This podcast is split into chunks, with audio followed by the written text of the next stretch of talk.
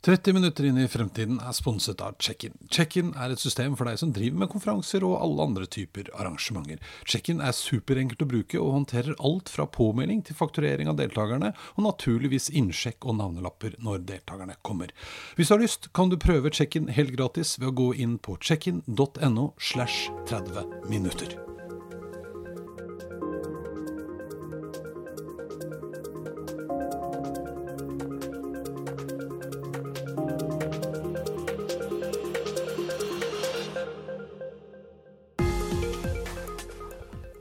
Hvordan ser egentlig fremtiden ut? Ifølge dagens gjest så er det tre mulige utfall. Det ene er at vi mennesker forsvinner. Vi lykkes ikke, vi blir borte, men da består verden, og den kommer antagelig til å blomstre som aldri før igjen. Eller vi finner på en masse nye ting, finner opp mer kunstig intelligens, mer teknologi, og skaper en verden som vi ikke engang kan drømme om hvordan kommer til å se ut.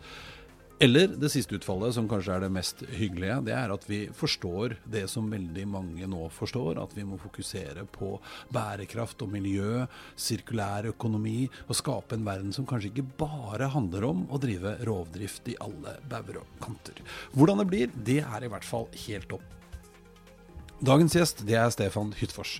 Stefan er en av de mest ettertraktede foredragsholderne i Norden, og kaller seg selv futurist og bruker mye tid på å forstå den verden vi lever i, og hvordan den kommer til å bli fremover. Dette er 30 minutter inn i fremtiden, og jeg er Eirik Normann Hansen. Hei, Stefan. Hei, Eirik. Velkommen til meg. Tusen takk. Veldig hyggelig at du har tatt eh, turen helt fra Det er vel fra Son, egentlig? Ja, det var ikke så lang tur. Nei. nei. Norgesvisitt et par dager. Ja, um, altså Jo, i går, så ja.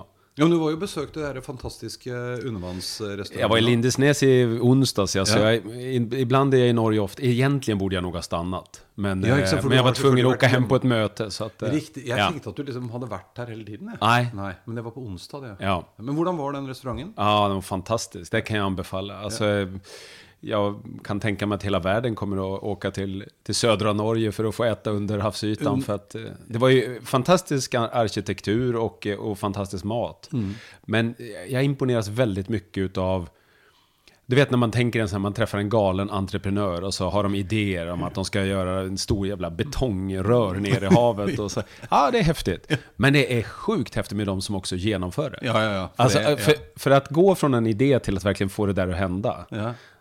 Det krävs lite jobb. Alltså. Ja, ja, det, ja, det skjer. Når du kommer på den ideen Ja. og skal komme Du, hør her, jeg lurer på Ja, och sen få med sig alla och du vet. Och. Nej, kämpe...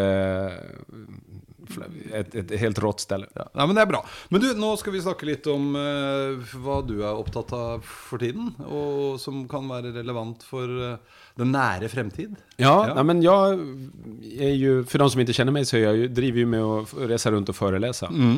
Och jag föreläser om trender.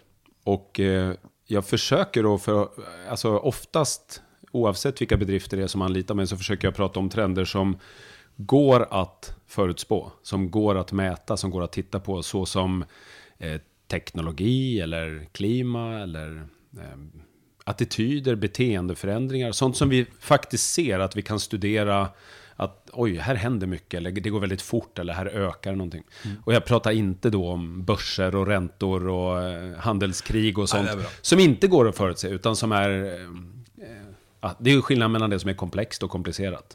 Och jag pratar om sånt som är komplicerat, men inte om det som är komplext. Kanske. Ja. det kan andre gjøre. Ja. Ja. Nej, men, och det gör jag ju för att jag... eh, Dels, det är mitt intresse. Jag tycker att eh, Eh, det är väldigt spännande att försöka se hur saker hänger samman. Ehm, och sen eh, så tror jag fortfarande de tillbakamälningar jag får att, eh, att det bidrar till att få människor att känna, inte bara oro så, utan att se på förändringen på ett annat sätt. Och bli lite inspirerad och se möjligheter och inte bara tänka att fan, det går för fort, det går åt helvete. Ja, men ibland kan jag tycka att eh, bilden av framtiden är lite dyster. Och, och det, jag får ofta frågan av det, om, om folk säger så, du pratar om framtiden, men blir du inte väldigt ledsen när du... Alltså folk tar för givet att man blir ledsen när man tänker på framtiden. Och det gör mig lite bekymrad, för att när jag var liten så var framtiden häftig, spännande, sexig. Det var mycket science fiction och så. Det skulle bli alla möjliga häftiga, coola grejer. Så. Och, men idag så skulle jag våga påstå att idag är det många som är oroliga för framtiden. Och då måste vi liksom få tillbaka det där att vi måste göra bilden av framtiden lite mera spännande igen. Ja, ja for det interessant. Jeg jeg har faktisk tenkt litt på det samme. Men Det er rart at det har blitt sånn, egentlig. For jeg også drømte jo om denne framtidsbyen jeg skulle vokse opp i, og svevebiler, og det var liksom en eller annen sånn herlig vet ikke, optimisme i det, da. Nej, men, och det, det finns säkert massa naturliga förklaringar till det här. För att idag så är det ju... Eh, del, jag tror att det kanske började med globalisering. Att då såg vi klyftor växa på ett sätt som vi inte hade upplevt tidigare.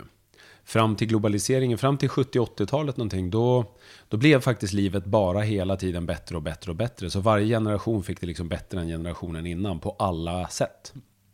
Men med globaliseringen så började en del i samfundet att känna oro. Oro för att mista ett jobb till någon annan del av världen och så. Sen kom digitalisering och det var samma sak. Då vissa vann oerhört mycket på det.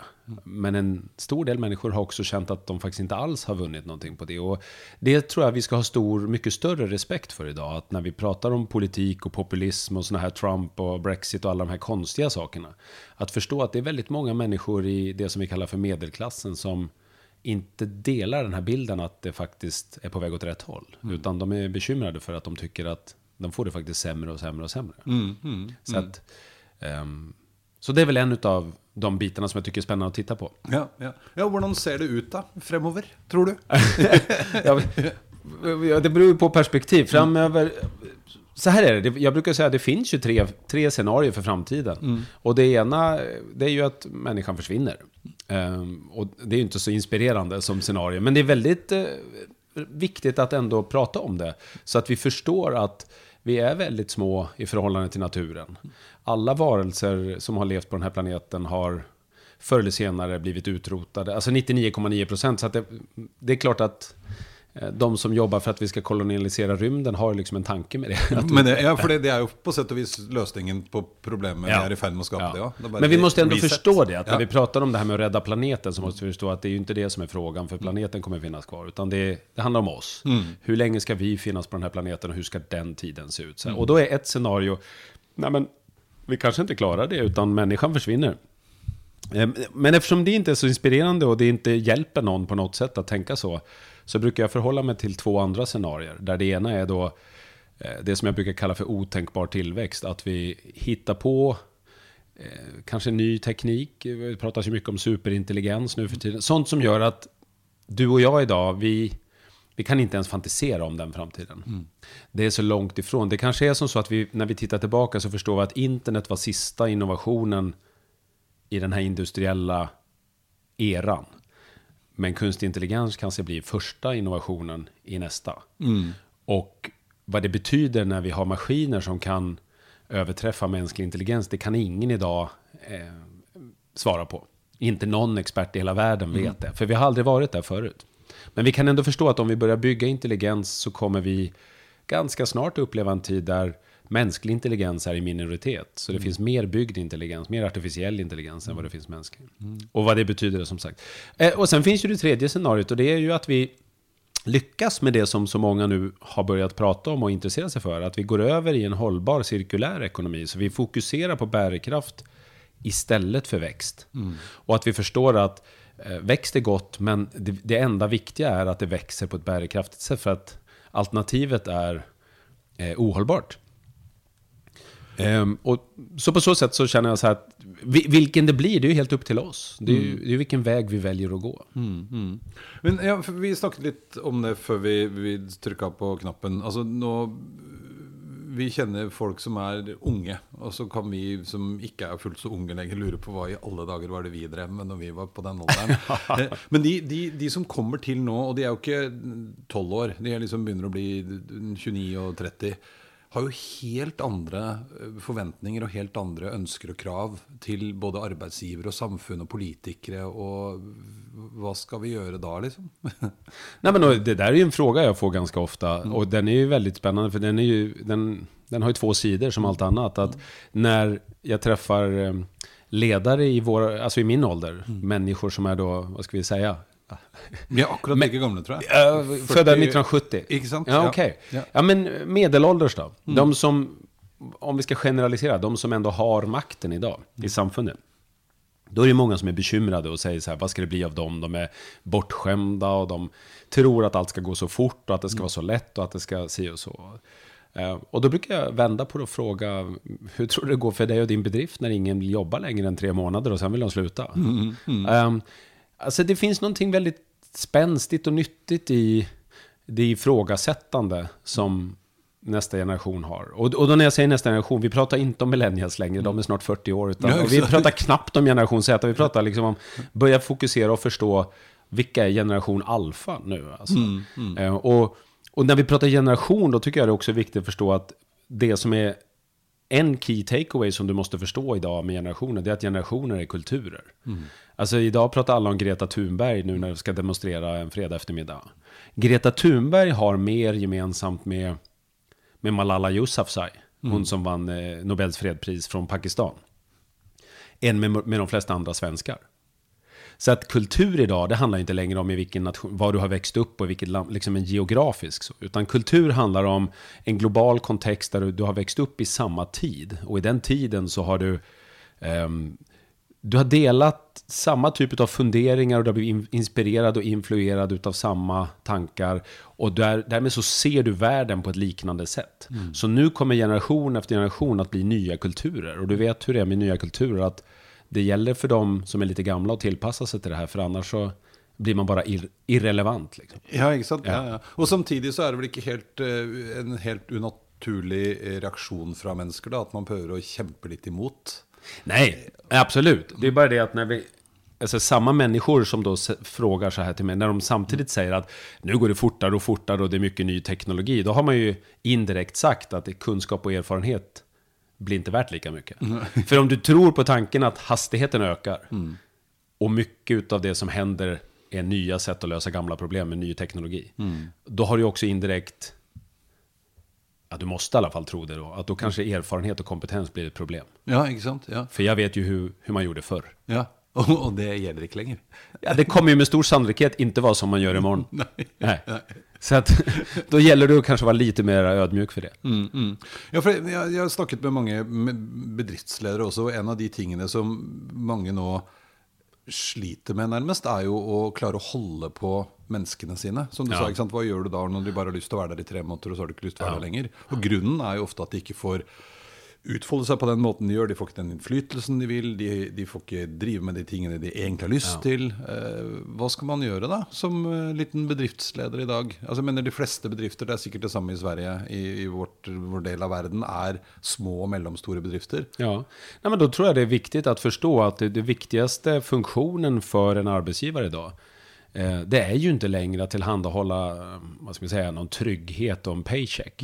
För att, ja, visst, det är hygien. Alla måste ha pengar och, och, och det är också någonting som, som man, jag menar, har man inte pengar så har man ju problem. Men det är väldigt få människor som tror att pengar är den ensamma motivatorn. Och då förstår du att alla letar idag mening. Och alla vill känna att det jag gör betyder någonting. Och går jag upp och jobbar åtta timmar om dagen så vill jag känna att, eh, att det skapar mening i mitt liv. Eh, och, och det blir en mycket större och mycket viktigare fråga när... Alltså det här är ju så här grundläggande. Alla som har läst och, och har hört talas om Maslow vet hur den här behovshierarkin ser ut. Va? Och det som är intressant när vi talar om jobben, det är ju att jobb finns ingenstans i Maslows behovshierarki. Nej. Vi, vi tränger inte jobb. Nej. Det, alltså, enligt Maslow så vi har en massa behov. Vi behöver vatten och mat och säkerhet och tak över huvudet och sådana saker. Och sättet vi får dem på, alla basics, det är pengar. Så har jag pengar så kan jag lösa mina basbehov. Och har jag pengar så är jag ändå inte nöjd. Då vill jag ha något mer. Det vet alla som har till och med mycket pengar säger att de är inte nöjda, de vill ha mer. Och vad är det mer vi vill ha? Ja, vi vill ha mening. Så har vi mening och pengar, då kan vi nog leva ett ganska gott liv. Ja. Och då menar jag så att idag så har de flesta löst det genom ett jobb. Att man får pengar och mening genom sitt jobb. Men allt färre jobb idag ser människor då erbjuder den här meningen. Eh, Eftersom jakten på mening nu ökar successivt hela tiden. Så då är det ju det man måste förstå som, som ledare. Att okej, pengarna blir hygien, men jag måste se till att fokusera på så att alla här känner att vi gör någonting som skapar mening. Eh, Och det är en mycket svårare fråga. Pengarna är väldigt lätt att förhålla sig till. Det är bara att titta på, har vi råd eller har vi inte råd? Ja, ja, ja. Eh, ja, og det handlet jo veldig ofte om å optimalisere driften sin, så vi kunne tjene litt mer penger. Og, Ja, og- men pengarna blir ju resultatet då. Om du har någonting som är väldigt meningsfullt så kommer pengarna bli ett bra resultat utav det. Eh, och, och pengarna kan inte, som de kanske fick vara förut, vara det övergripande målet. För att, eh, återigen då, jag säger inte att pengar inte är viktigt, pengar är jätteviktigt. Men det, pengar är som mat. Du går upp på morgonen och du vet att du måste äta idag. Eh, men du har ju inte ett mål att du ska spisa så mycket du bara kan hela dagen. Eh, På samma sätt kan inte bedriften ha ett mål att du ska bara dra in så mycket pengar som möjligt. För att det, det målet engagerar och motiverar ingen människa. Och då kommer du till sist få svårt att nå det målet. Så om du istället då fokuserar på varför går vi upp på morgonen och vad är det vi försöker åstadkomma? Eh, och så bara tänker på det, då blir ju pengarna resultatet istället. Men jeg tenker at vi, altså vi som bor her vi bor, er jo ekstremt heldige. Ja. Eh, For det er jo veldig forskjell. altså Bare se på USA, f.eks., hvor det ikke er uvanlig at man har både og tre og fire jobber for å få liksom hjula til å gå rundt. Nei, så Du har ikke kapasitet til å begynne å tenke på noe mening. Eh, og det ser man vel andre steder i verden òg, men er det i ferd med å endre seg, tror du? Alltså jag tror ju att det är precis som med allt annat. Jag sa det att klyftorna har på vissa ställen ökat. Och det är ju ett resultat utav då, om, om du tänker dig så här att det finns en global klyfta. Så när du och jag var unga och växte upp, då var fattiga människor någon annanstans i världen. Och så var rika människor i den här delen av världen. Och alla människor, alla barnen som vi hade som skolkamrater hade det ungefär likadant. Så att alla åkte på samma eh, ferie på sportlovet, åkte skidor och så kanske upp till eh, Trysil eller någonting sånt. Men idag så är det tvärtom. Att idag så har globaliseringen och teknikutvecklingen gjort då att, att vi kan minska globala klyftor. Så idag börjar eh, människor som har haft det fattigt och förfärligt i Asien helt plötsligt få, få det lite bättre. För det är de som syr våra kläder och tillverkar våra eh, bilar och elcyklar och allt vad det är. Men det sker ju på bekostnad av att lokala klyftor börjar öka. För de som tidigare livnärde sig på att sy våra kläder här hemma mister ju jobben då. Och det är därför då den här, hela, helt plötsligt så, så börjar klyftan uppstå här istället för... Det. Så den minskar globalt, då ökar den lokalt. Och eh, det där, ja, det, det gör ju då att människor har det på olika sätt i samma klassrum helt plötsligt, på samma gata. Så din granne kanske helt plötsligt har det väldigt tufft ekonomiskt. Och det är, inte, det är vi inte vana vid, för vi, vi brukade inte ha det så för. Samfundet var liksom lite mjukare när vi var små. Ehm, och det, du ser ju väldigt tydligt då att ja, men på, på många ställen, som du säger, på många ställen runt om i världen, där har människor det väldigt tufft. De är inte alls högt upp här och bara pratar självförverkligande på Maslow, utan det är, man ska lösa basics. Och, och håller man på och kämpar för att lösa basbehoven, då har man inte tid att fundera på vad meningen är. Då bara kämpar man för att få mat på bordet eller få råd till medicin eller vad det nu är.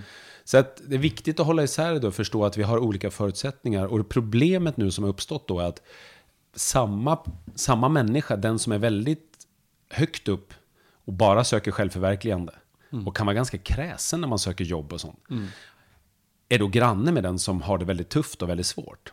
Och vi har båda rätt att rösta också i en demokrati. Vilket gör att vi får väldigt oväntade och annorlunda valutslag just nu. För att människor då tycker att det här funkar inte alls. Och vissa tycker det funkar kanon. Ja. Ja.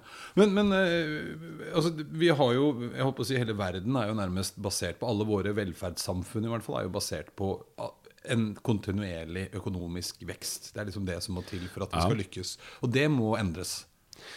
Eller ja, det är väldigt mycket som må ändras med det om man tänker, alltså till att börja med, vad är det som växer? Mm. Ja, ekonomin växer och går vi bara tillbaka till 80-talet, eller slutet på 70-talet, början på 80-talet, så har global BNP vuxit med 800 procent ungefär. Mm. Och det är ju helt fantastiskt. Och det är grunden till att du och jag kan sitta här och hålla på och spela in en podd istället för att vara ute och liksom fixa potatisar eller ja, någonting sånt, ja. något riktigt jobb. Mm. um, men sen måste man också börja fundera på, okej, okay, det finns ju mängder av problem med det här. Mm. Vi har ju, alltså just nu, vi är i Oslo, det är en, alltså urbanisering är en tydlig trend. Allt fler människor flyttar in till stora växande byar runt om i världen. Eh, när du bor i byn så får du en mer och mer, vad ska vi säga, oförståelse för ekosystemet. Det blir en disconnect mellan människa och natur. Mm. Så människor som bor i stora byar har ingen kontakt med naturen längre. Och det, det, betyder att man till sist inte har någon förståelse för naturen och ekosystemet. Så att när man köper vatten, då går man, man går inte och dricker vatten i bäcken mm. när man bor i byn. Då går man och köper en flaska. Mm. Vi köper en miljon plastflaskor varje minut just nu. Eh, eh globalt sett. Eh, och 91% av dem återvinns aldrig. Mm. Och och det är ju ett resursnyttjande som inte planeten klarar av. Och då måste vi förstå att, men vänta, just det, det har hänt väldigt mycket. När du och jag var små, när vi, när vi föddes 1970, då var det drygt 3 miljarder människor på planeten. Idag är vi dubbelt så många. Mm. Så vi har gått från att, jag menar jag kommer ihåg när jag var liten, då, jag, hade, jag visste en person som hade varit i USA. Ja. Han hade liksom flygbiljetten uppsatt, inramad på väggen.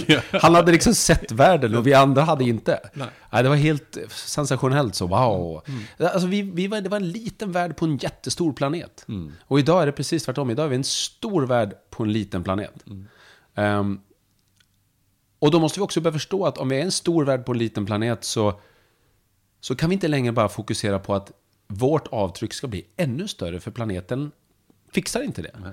Och det behöver man inte lyssna på en forskare eller du och jag sitter och Det är bara du kan ge ut, liksom, du ser ju videos på YouTube när de eh, dyker ner i liksom, paradiset på Bali och det bara flyter söppel överallt och det är Alltså överallt så börjar det bli väldigt tydligt att planeten skickar fakturer. Mm. Och de här fakturorna börjar bli dyrare och dyrare. Det är extremväder och bränder och tork och alla möjliga Och det kommer bara öka. Mm. Så därför så tror jag liksom att, eh, att det är oundvikligt att vi helt plötsligt börjar förstå att den här lite enkla synen på växt som vi utvärderar huruvida pengahögen växer eller inte. Den funkar inte längre, utan vi måste ju kliva över och, och på riktigt börja förstå att om vi inte skapar bärkraftigt värde så skapar vi faktiskt bara problem. Mm. Och skapar du problem, nya problem, även om du tjänar pengar, då kommer det vara väldigt kortsiktigt. För då kommer det dyka upp någon sån disruptor som måste lösa problemen. Mm. Och då är du out of business. Mm.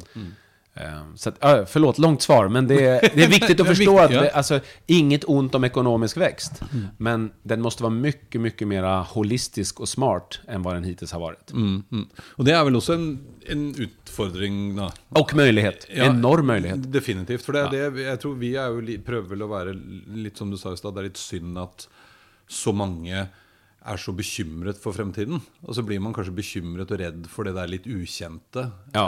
Istedenfor å se ja, at Det är klart man blir bekymrad när man ser hur, hur naturen lider exempelvis. Mm, mm. För om man åtminstone har någon koppling till naturen så vet man att vi är ju ganska beroende av att det finns eh, jag menar, det, det, det, finns ju ett gammalt talesätt, man brukar säga att om alla insekter dog idag mm. så skulle allt annat liv på planeten vara borta om 50 år. Mm om alla människor dog idag så skulle allt annat liv på planeten bara blomstra om 50 år. Ja, ja. Alltså, vi vet ju hur beroende vi är av ekosystemet och vi vet också hur små vi är när naturen inte, inte riktigt vill oss väl. Mm. Vi har mm. ingenting att sätta emot. Mm.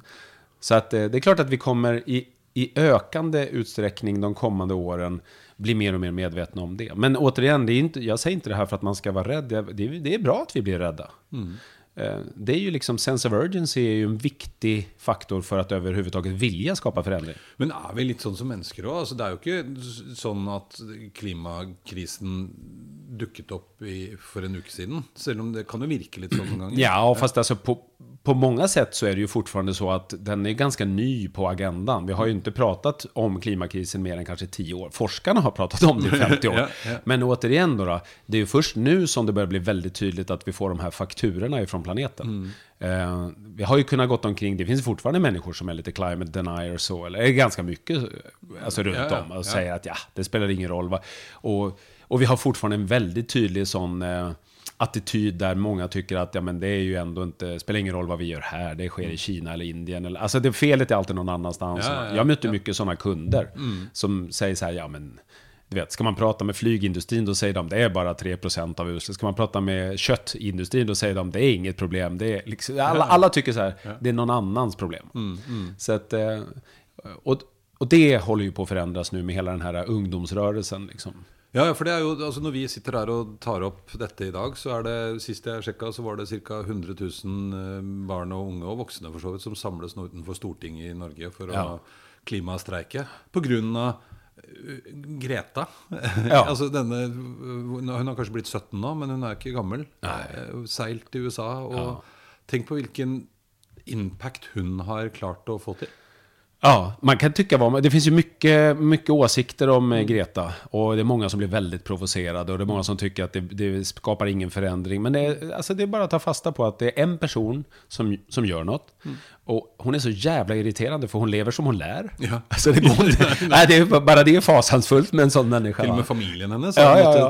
opp. Ja, Ja, allting va. Ja. Eh, och sen kan man bara konstatera att, eh, ja men, en ledare är en människa som har följare. Mm. Och hon har miljontals följare. Och det bara växer hela tiden. Hon kommer ha impact. Och vi kommer titta tillbaka i historieböckerna och tycka att där hände någonting.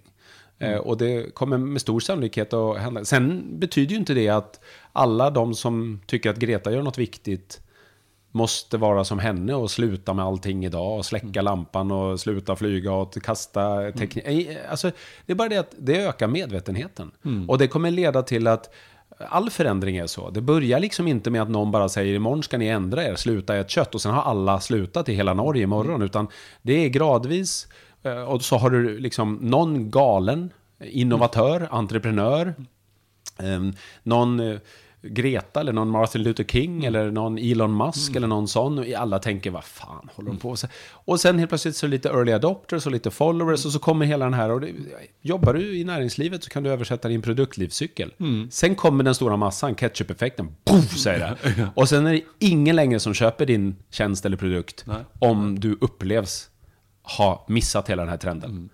Då är du bara gone. Då blir det en sån, det moderna uttrycket, ett Kodak moment, liksom, när du, du inser att det är för, det är för sent bara. Det er for sent. Ja. Ja. Ja, for det det var det jeg egentlig ville litt frem til òg. Det er vel litt faren. Altså Når man setter på skylappene, sånn som vi jo har en tendens å gjøre. Ja. Og det er jo mange, og jeg kan godt si at jeg er litt sånn selv, jeg, men det er veldig lett å være enig i at vi må gjøre noe. Men det å faktisk gjøre noe er ganske krevende. Men nå merker man plutselig at eh, dine kunder stiller krav til at du faktisk kan vise at du gjør noe. De som skal jobbe hos deg, vil være med på en større reise enn bare å tjene penger for deg som eier. Ja. Eh, hvis vi skulle gitt noe råd til eh, forretningsledere i dag Ja, men då tror jag att ett råd är hastigheten. Att förstå att, det, det låter som en kliché, men det är på riktigt nu att... Och eh, alla som lyssnar på det här känner till att eh, livsspannet på de stora listorna med stora bedrifter, det blir kortare och kortare. Det är svårt att hålla sig i topp länge, de här S&P 500 och Fortune 1000, man har sett det gång på gång. Samtidigt så har vi sett unicorns, det blir bara fler och fler sådana här privatägda företag som kommer från nowhere och helt plötsligt har en miljard dollar i värdering. Så. Eh, Det betyder att det går fortare. Och det, du behöver inte längre vara stor för att skapa förändring i en industri. Du kan förändra en industri bara genom att vara snabb. Och det där måste man förstå. Ah, Vad man än driver med så måste man förstå att då måste hastighet vara en del av vår strategi. Så att det kan inte bli som så att vi riskminimerar och får bort det. Vi måste vara snabba. Det kanske blir en av de viktiga. Och det är ett konkret sånt råd att förstå att hastigheten är på riktigt nu. Ehm, Men, men, men hvor skal de gå, da? For det er jo ofte problemet. Eh, Altså denne bedriftslederen. Ja. Eh, kan, har du noe råd, eh, tips om en bok de kan lese, eller et sted de kan se, eller skal de søke på ja, men de har inte tid att läsa en bok nu. De måste, De har lydbok på sånn fire De måste förstå, ja, men om du är ledare så måste du förstå att det är inte du som ska ha alla svaren. En ledare idag är, precis som en skollärare idag, är inte den som sitter med alla svaren. Utan en ledare får ju bli en facilitator, en supporter, någon som samlar ett team och skapar resurser. Och bara säga att okej, nu skapar jag resurser, vi vet en sak, ehm, vi har en business, den fungerar idag. Det, det säger ingenting om imorgon. Och, och det största problemet många bedrifter har är att man fokuserar inte på nuet utan man fokuserar lite på, på historia. Så eh, bedriftsmodellen som har tagit oss hit, den är vi goa på. Så Du blir ju inte disruptad för att du är dålig. Utan du blir disruptad för att du är väldigt god på att göra någonting som inte längre behövs. och många kommer gå det ödet till mötet att man är väldigt, väldigt duktig på att göra någonting som ingen längre behöver. Så därför så, jag menar, när vi pratar om framtiden, det handlar inte om att gissa. Det Google och Facebook och Amazon och de som alla pratar om idag, de är ju inte där de är för att de gissade någonting. Utan de bara såg vad som var möjligt att göra nu. Och så gjorde de det. Och det gjorde inte de andra.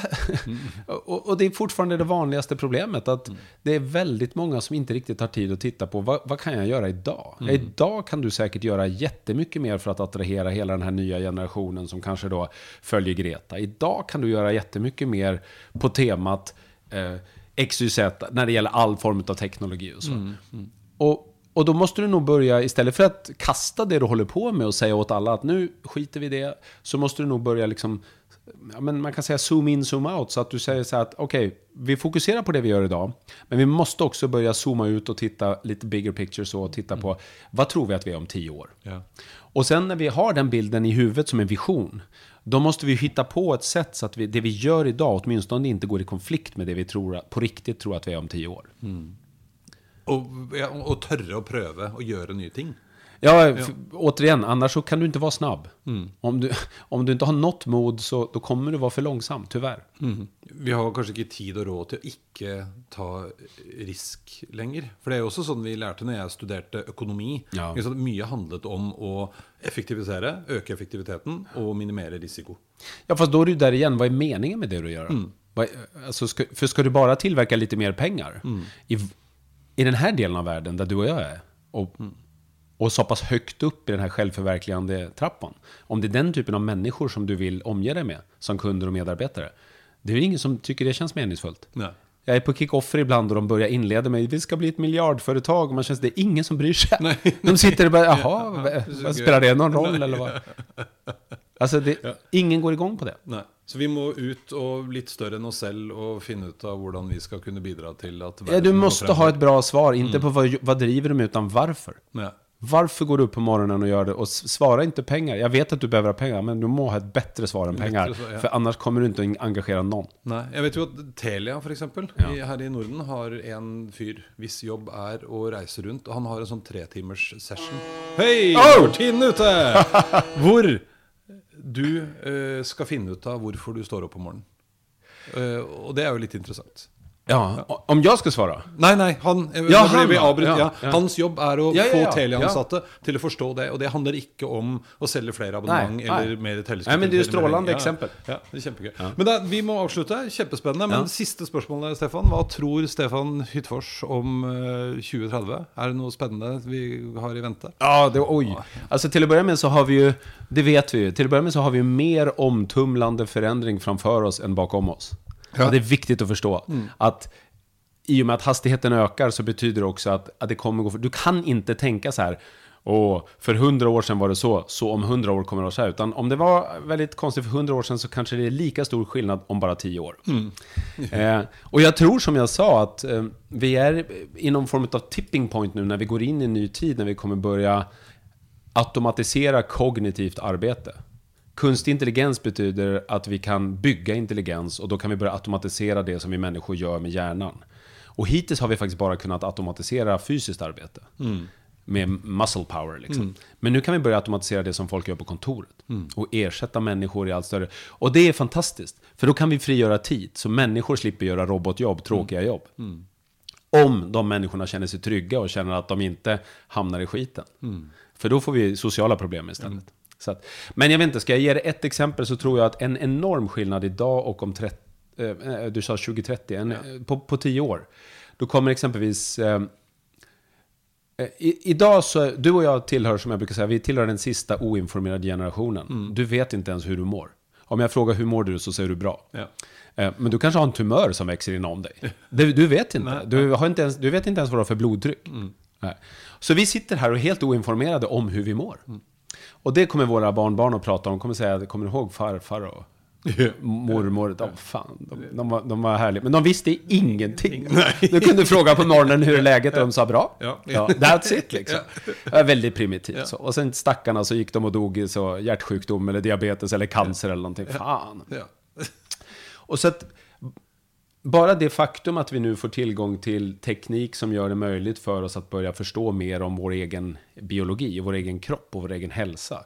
Den gör att vi kommer att bli oerhört mycket mer medvetna om, om vad vi faktiskt mår bra och, och mindre bra av. Mm. Och det är en, eh, såklart, det är inte bara vad vi äter. Det är hur vi, hur vi jobbar, vilka vänner vi har och allting. Ja. Där tekniken kommer bli bättre och bättre på att hjälpa oss att förstå att det här ska du göra mer av och det här ska du göra mindre av.